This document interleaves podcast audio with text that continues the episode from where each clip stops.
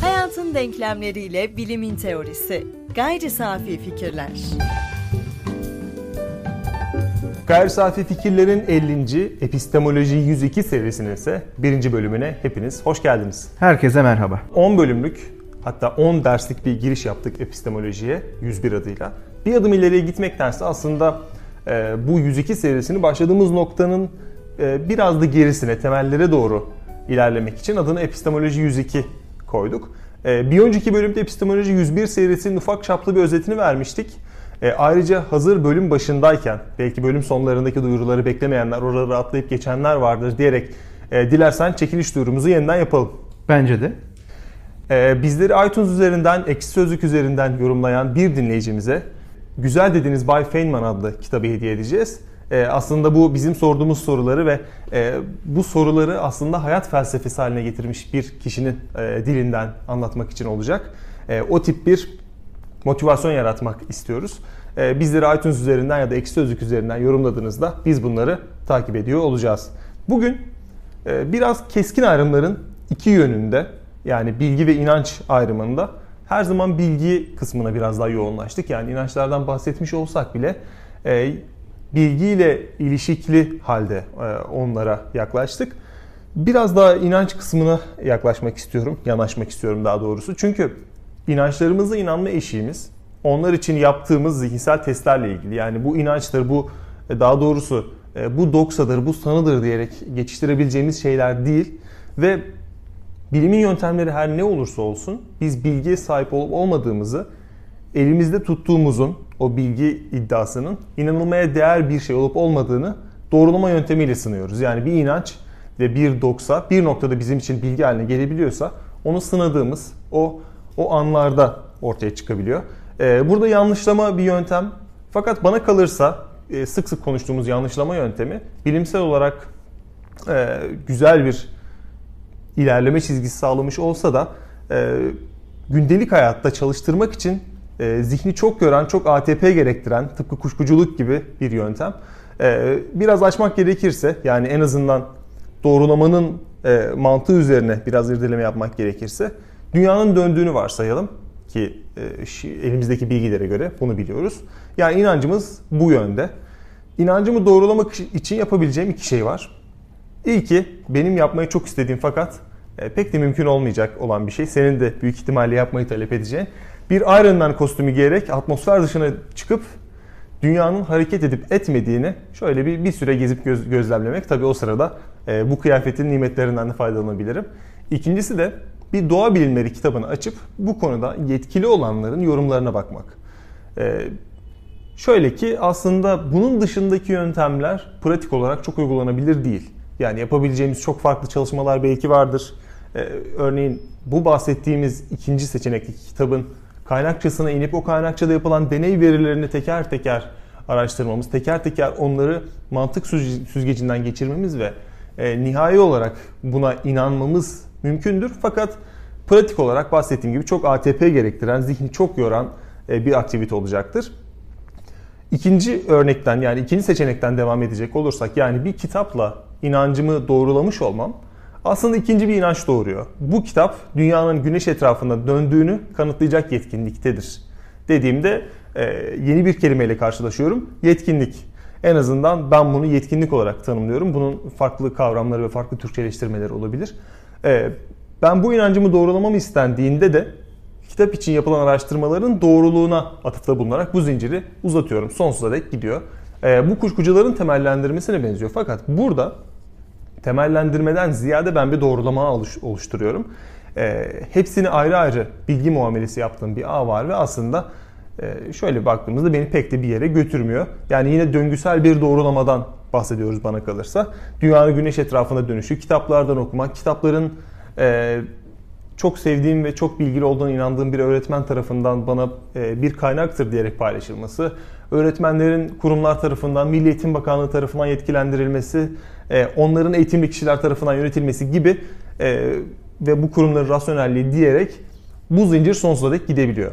Peki bu tip bir doğrulama zinciri bizim inançlarımıza yaklaş, yaklaşımımızı çok zedelemese de e, bir analoji yapmak gerekirse elimizdeki tüm bu inanç vesikalarını bir inşaat malzemesi olarak görelim ve bir yapıyı inşa etmek için aslında sadece bize temel oluşturmayacak olanları kullandığımızı düşünelim. Yani çimento kullanmadan sadece e, üzerine yapının yükselmesini sağlayacak şeyleri kullandığımızda aslında e, bir süre sonra bu yapı yıkılacaktır.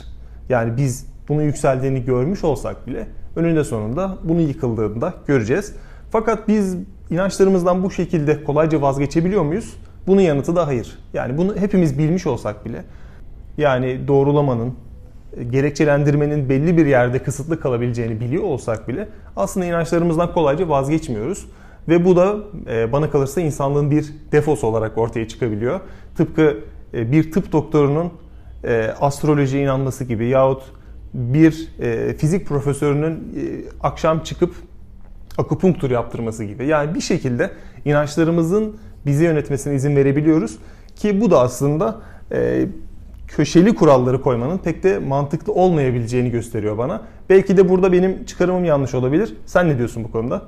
Şimdi şunu söyleyebiliriz. İnanmakla bilmek dedik. Ee, tabii burada doksa anlamında alsak da e, inanmakla bilmek arasında temel bir fark var. Tabii ki ikisinin de tam anlam içeriğini doldurduğumuzu varsayıyorum. Çünkü bulgular ya da kanıtlar temelinde biliyor, duygular temelinde de inanıyoruz. Yani e, mesele burada kanıtlar veya kanıtlarla yüzleştirmek bildiğimiz şeyi.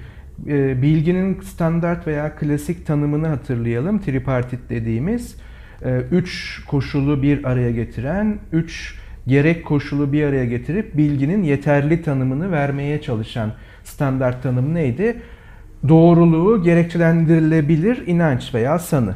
Şimdi gerekçelendirme ve doğru olma kanıtla desteklenme anlamına geliyordu veya kanıtla bir şekilde ilişki anlamına geliyordu ki e, zaten temel problem bu.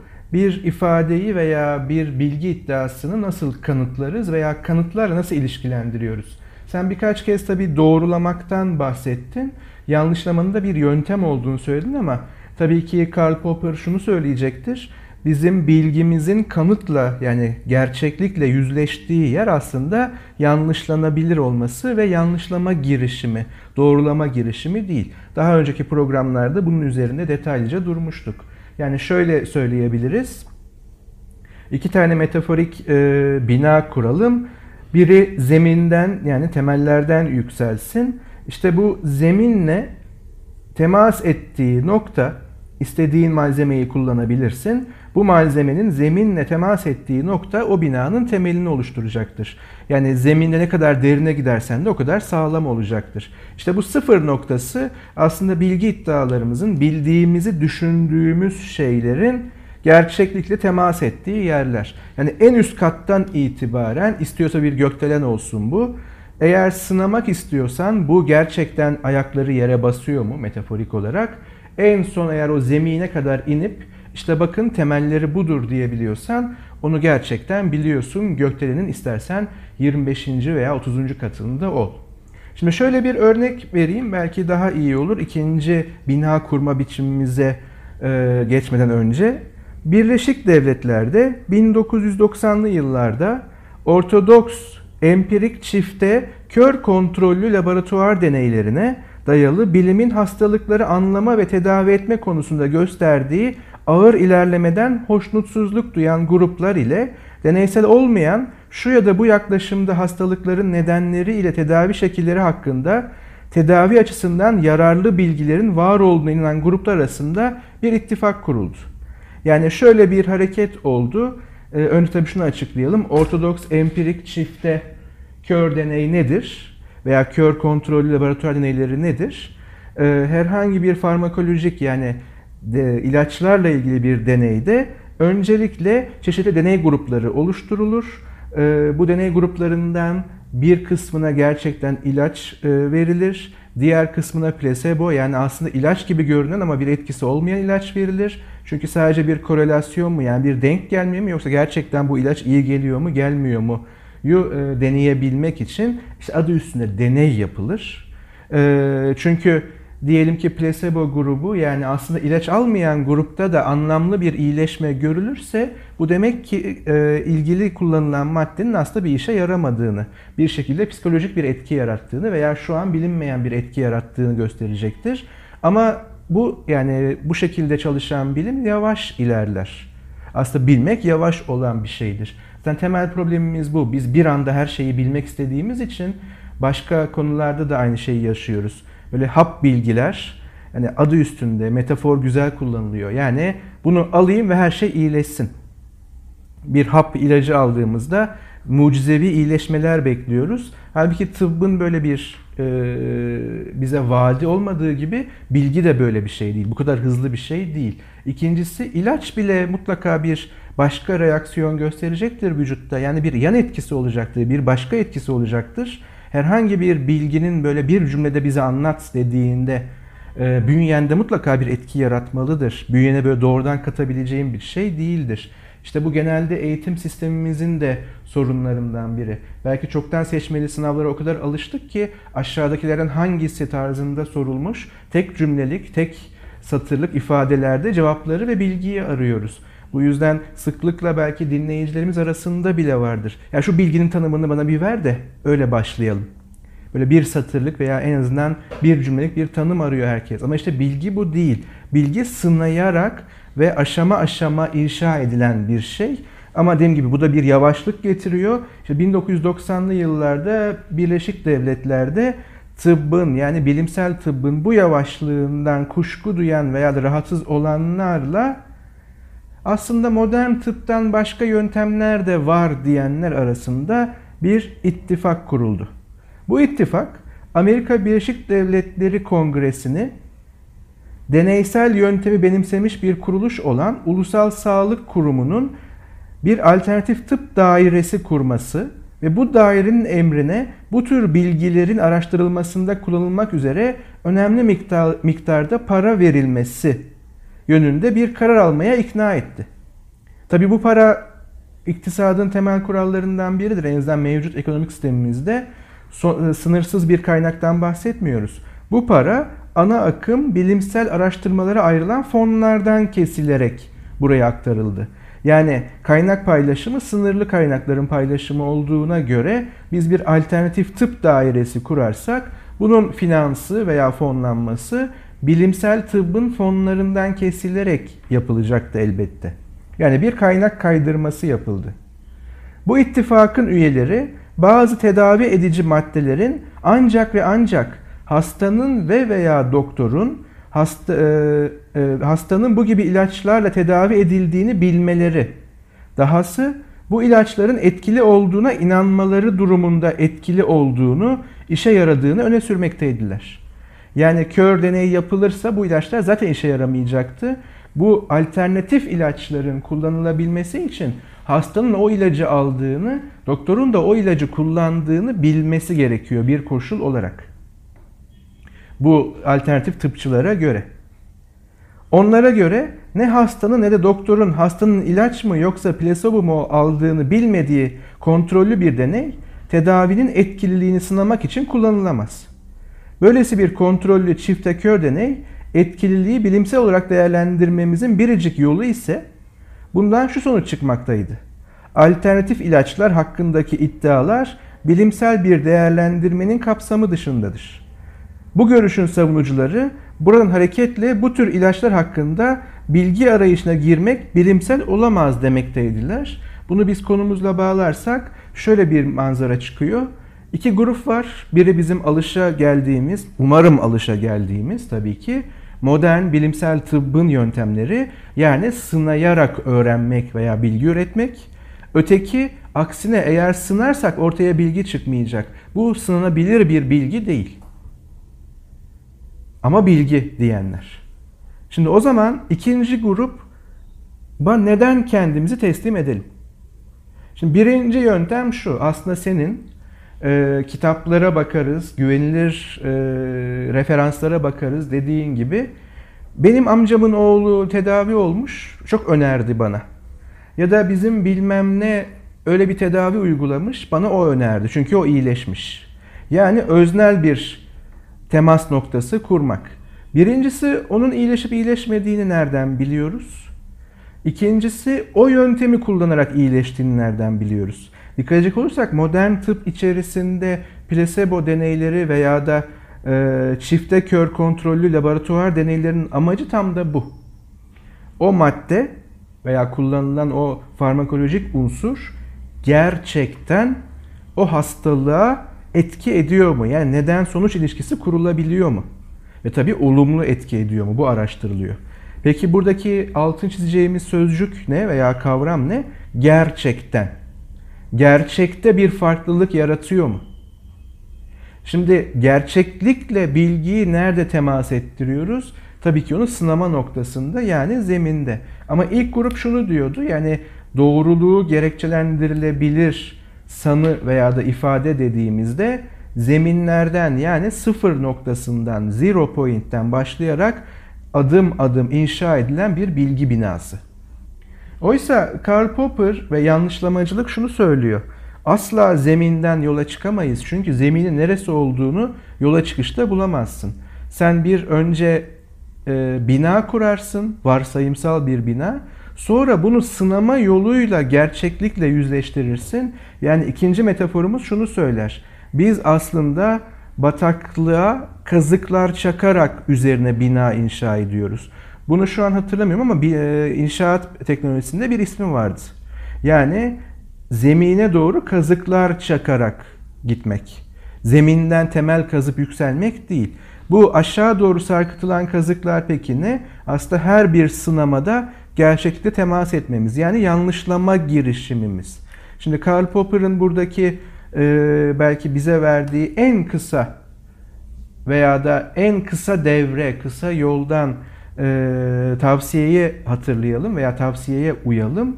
O da şunu söylüyordu. Herhangi bir mecrada muhatabınızla bilgi zemininde olup olmadığınızı, hani herhangi bir konuda bilgi zemininde tartışıp tartışmadığınızı öğrenmek istiyorsanız kendinize ve muhatabınıza şunu sorun. Bu muhatap bir metin de olabilir, bir televizyon programında o anda size cevap veremeyecek biri de olabilir ama siz onun adına cevap verebilir veya onun söyleminde veya onun söylediklerinde bu sorunun cevabını arayabilirsiniz. O soru neydi? Hangi kanıtı getirirsem veya getirebilirsem veya bulursak yanıldığını kabul edeceksin. Eğer yanıldığını kabul edebiliyorsan, böyle bir koşul yaratabiliyorsan bilgi zemininde konuşuyorsun veya bilgi zemininde bir arayış içindesin. Çünkü sen zemine doğru kazıklar çakma niyetindesin. Mesela şunu söyleyelim. Bu alternatif tıpçı arkadaşlara ne olursa ilacının işe yaramadığını kabul edeceksin. Hangi kanıt senin ilacının işe yaramadığını gösterir bize. Bakın daha kanıtı bulmadık. Yola bile çıkmadık. Ama varsayımsal olarak hangi kanıtla karşılaştığında bunu kabul edeceksin dediğimizde aslında cevapsız kalıyor. Bu da Popper'ın, Karl Popper'ın ölçütüne göre bilgi temelinde olmadığımızı, inançlar temelinde olduğumuzu gösteriyor. Çünkü empirik çifte kör kontrollü laboratuvar deneylerini yapan bilim insanlarına bunu sorsanız diyeceği şey şudur. Laboratuvar deneylerinde belirlenmiş bir sonucu elde edemezsem bu ilaç işe yaramıyor. Yanıldık. Ama diğer tarafa sorduğumuzda bize şu cevap verecektir. Bu ilaç işe yaramadığında yani ilgili hastalık iyileşmediğinde bu ilacın işe yaramadığı, bu ilacın işe yarayacağı bilgisinin yanlış olduğunu kabul edecek misin? Hayır etmeyecektir. Şunu şunu söyleyecektir. Hasta yeterince inanmadı. Şimdi o zaman sen hiçbir zaman yanılmayacaksın. Hiçbir zaman yanılmayacağını iddia etmen şudur. Bu sınanabilir bir ifade değil.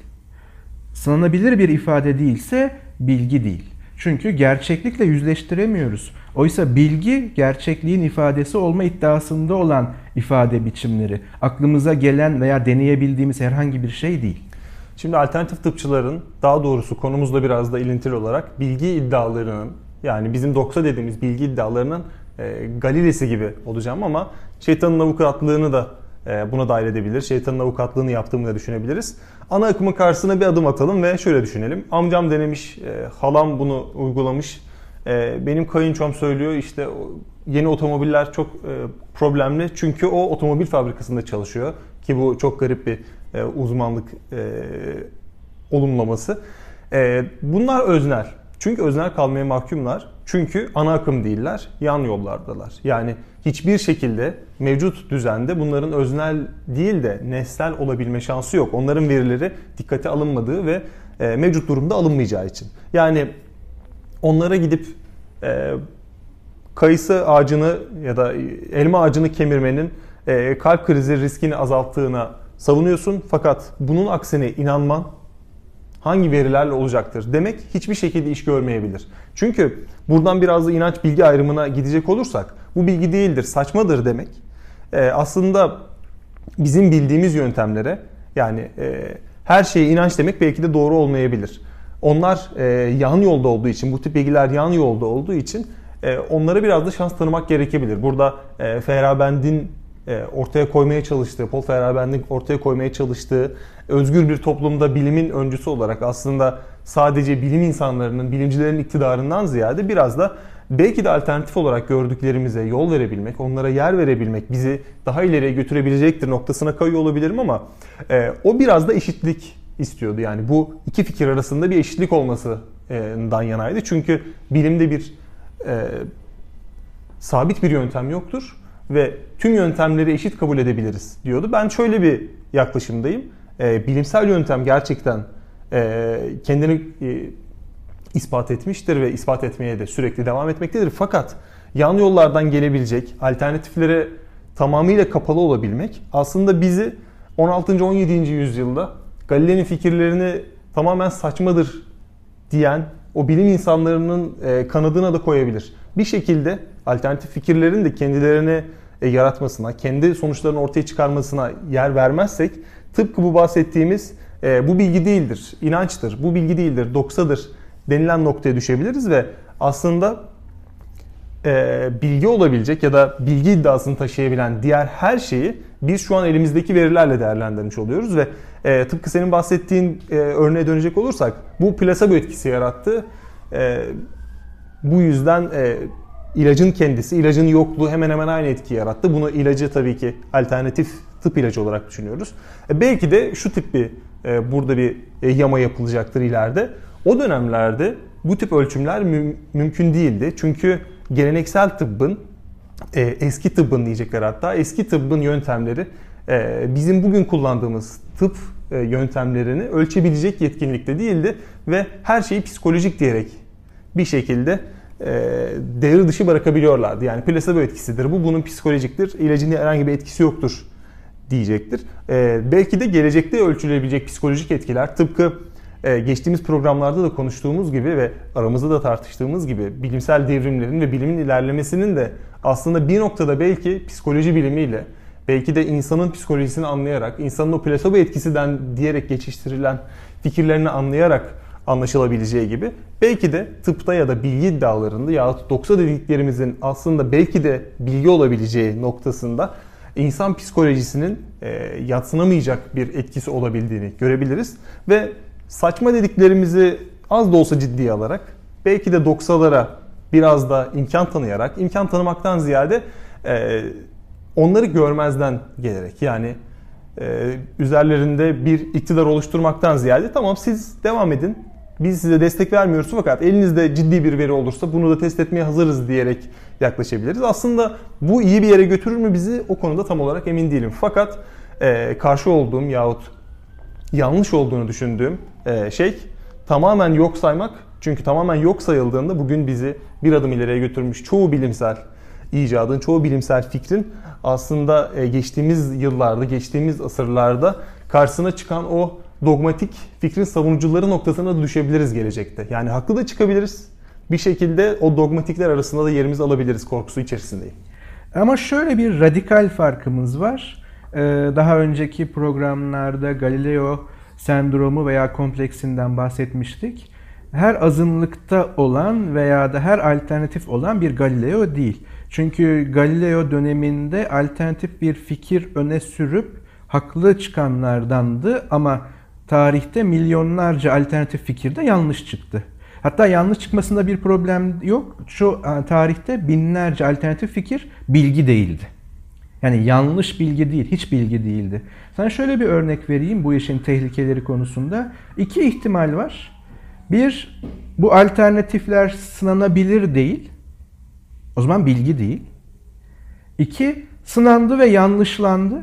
Yanlış çıktı ama hala üzerinde bir ısrar var. Şimdi burada şöyle bir revizyon yapayım.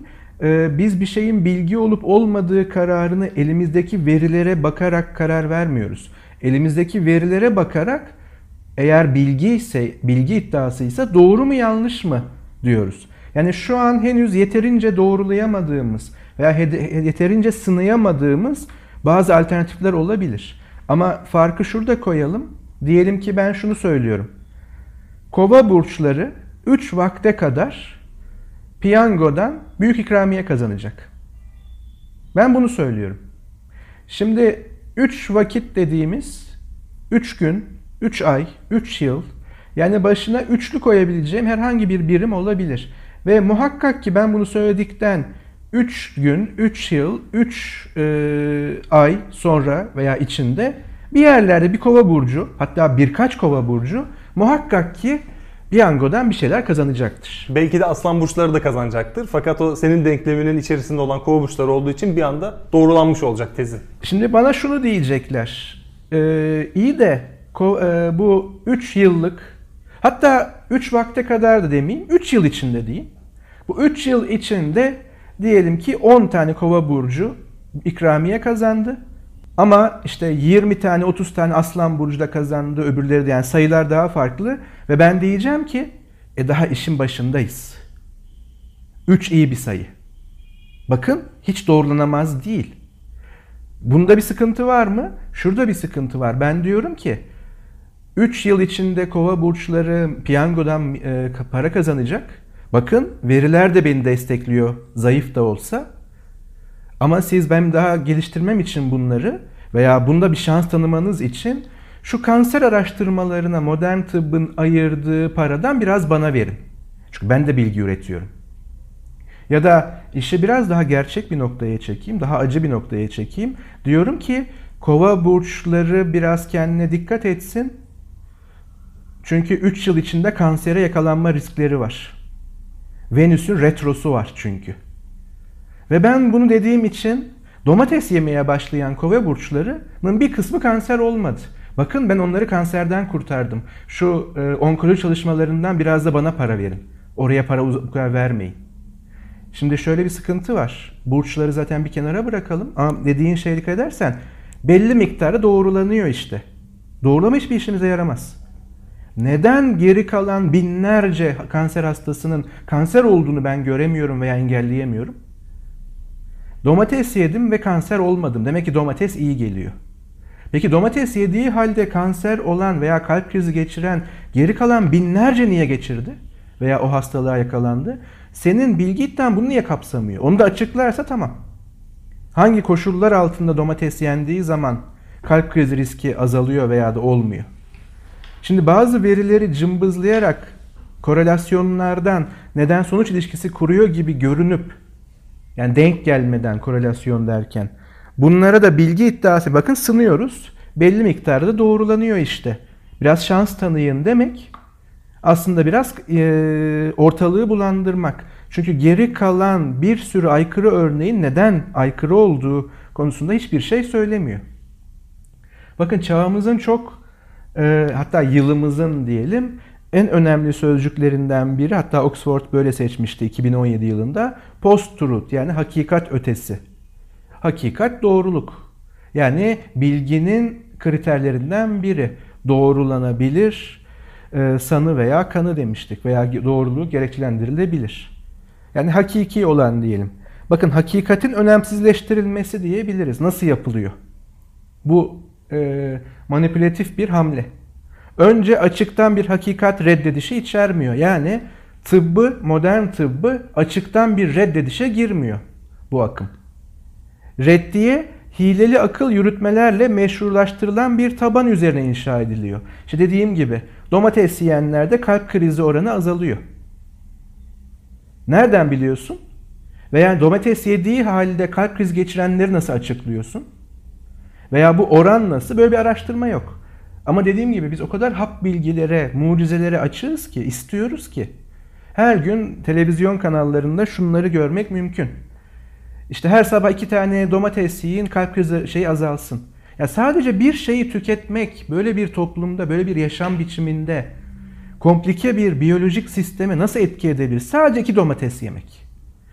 Yani domates zararlıdır veya da yararlı değildir demiyorum ama buraya bağlamak. O yüzden önce hileli akıl yürütmelerle meşrulaştırılan bir yeni hakikat üretiliyor.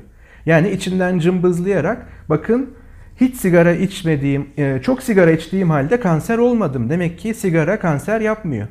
Peki sigara içip de kanser olanları nasıl açıklıyorsun? Hem de çok ciddi bir oran. İçinden cımbızlama yaparak, veri seçerek doğruladığın zaman bu iş olmuyor demek ki. Bakın yeni bir hileli ve sakat temelli bir bilgi iddiası öne sürüldü. Gerçekmiş gibi gözüken fakat bilinçli olarak sakatlanmış akıl yürütmelerle önce sahte hakikatlerin hakiki hakikatlerin yerine geçmesi sağlanır. Alternatif tıp. Yani her an bu tıbbın yerini alabilir. Neye alternatif? Zaten eğer bir işe yarıyorsa tıbbın dahilinde olur. Neden dışarıda kalsın ki? Yani doktorlar veya da bilim insanlarının neden böyle bir şey olduğunu düşünelim. Aman or- oraya gitmeyin. Bize gelin. Zaten o işe yarayan bir şeyse biz yaparız. Biz de yaparız ya da. Ama işe yaramıyor yani bilgi değil. Ve sen bilgi üreten bir yerden kaynak alma pahasına buraya bir şey aktarmak istiyorsun. Değil mi? İki şey var. Sınanabilir değilse zaten bilgi değil. Tamamen bir inanç meselesi. Yani bir doksa meselesi. Sınandı ve yanlışlandıysa niye hala ama bakın bu ileride doğrulanabilir diyorsun. Sınanmış ve yanlışlanmış çıktıysa zaten geride bırakacaksın. Son olarak da duygusal bir motivasyonla aradaki fark yok ediliyor. Yani bilimsel tıpla alternatif denilen tıp arasındaki fark tamamen duygusal bir motivasyonla yok ediliyor. Hiçbir fark yok. İkisi aynı aslında, eşdeğer. Oysa biri bilgi iddiasında ve bu iddiasının arkasında sınanabilir tüm deneyleriyle, tüm verileriyle ve sana şöyle bir e, şey de e, vaat etmiyor. Bir mucize vaat etmiyor. %100 iyileşme vaat etmiyor ama iyileşmeye götürebilecek en iyi yol elimizdeki bu diyor. Hatta hekimler eğer olanaklıysa birden çok tedavi yöntemi önerir. İçlerinden de en iyisini seçmeye çalışırlar. Neye göre seçiyorlar? O günkü burçlarına göre değil. Gökyüzündeki nesnelerin hareketlerine göre değil. Yapılmış çalışmalarda elde ettiği bilgiye dayanarak en iyi yöntemi seçmeye çalışıyor ama garantisi yok. Hayatta hiçbir şeyin garantisi yok. Bilgi öyle bir mucizevi bir şey değil ama elimizdeki en iyi araç. Doksalardan veya inançlardan farkı bunu sınayarak daha iyileştirebiliyoruz. Ama öbürü sabit dikkat edersek. Yani domates yemeye devam et. Ama kalp krizi geçirdim. Sen devam et. Ama öbürü diyor ki domates yemek tek başına hiçbir şey değil. Domates senin vücudunda neyi değiştiriyor? Nasıl bir fizyolojik veya kimyasal tepkimeye yol açıyor? Hücrelerine ne yapıyor? Eğer bu yaptığı şey kalp krizinin nedenlerini engelleyici bir şeyse zaten biz bundan ilaç üretiriz. Satmak anlamında değil. Yani bunu ilaç olarak öneririz zaten. Ama herhangi bir beslenme biçiminin veya tek bir şeyin veya kullanılan bir maddenin bir şeyleri tedavi ettiği önerisi varsa dediğimiz şey şu. Bunu dışlamak, reddetmek, yasaklamak değil. Bu bir bilgi iddiası mı? Önce onu göstersin. Ama elimizdeki verilere şuna buna göre değil. Çok basit bir şeye göre. Sınanabilir mi? Ve sınadıktan sonraki sonuç ne? Gerçeklikte bir fark yarattığını bana nasıl göstereceksin? Buna kalpten inanman gerekiyor şeklinde değil. Ölçülemeyen bir şeyle değil. Bana gerçeklikte fark yarattığını gösterebileceğin her şeyin bilgi olabileceğini ilkece kabul ederim. Çünkü o farkı sınamaya başlarız. Ben şeytanın avukatlığını yapmayı çok sevdim. Herkesin, hepimizin aklına gelebilecek bu tip soruları senin antitezlerini aslında zihnimizde doğru yerlere yerleştirebiliyoruz ve bir sonraki programlarda da buna devam edeceğim. Ee, kapatmadan önce yeniden hatırlatalım. Bizi iTunes'tan, Eksi Sözlük'ten yorumlayan, eleştiri bırakan bir dinleyicimize e, iki bölüm sonra yani iki hafta sonraki bölümde açıklayacağımız şekilde e, Richard Feynman'ın Güzel Dediğiniz Bay Feynman kitabını hediye edeceğiz. E, bizi yine bu mecralardan, iTunes'dan ve Ekşi Sözlük'ten eleştirebilirsiniz, övebilirsiniz, yorumlayabilirsiniz ve Merak ettiğiniz, kafanızı kurcalayan bilim felsefesi sorularınız için gayrisafifikirler.gmail.com üzerinden bizlere erişebilirsiniz. Dinlediğiniz için teşekkürler. Görüşmek üzere. Görüşmek üzere.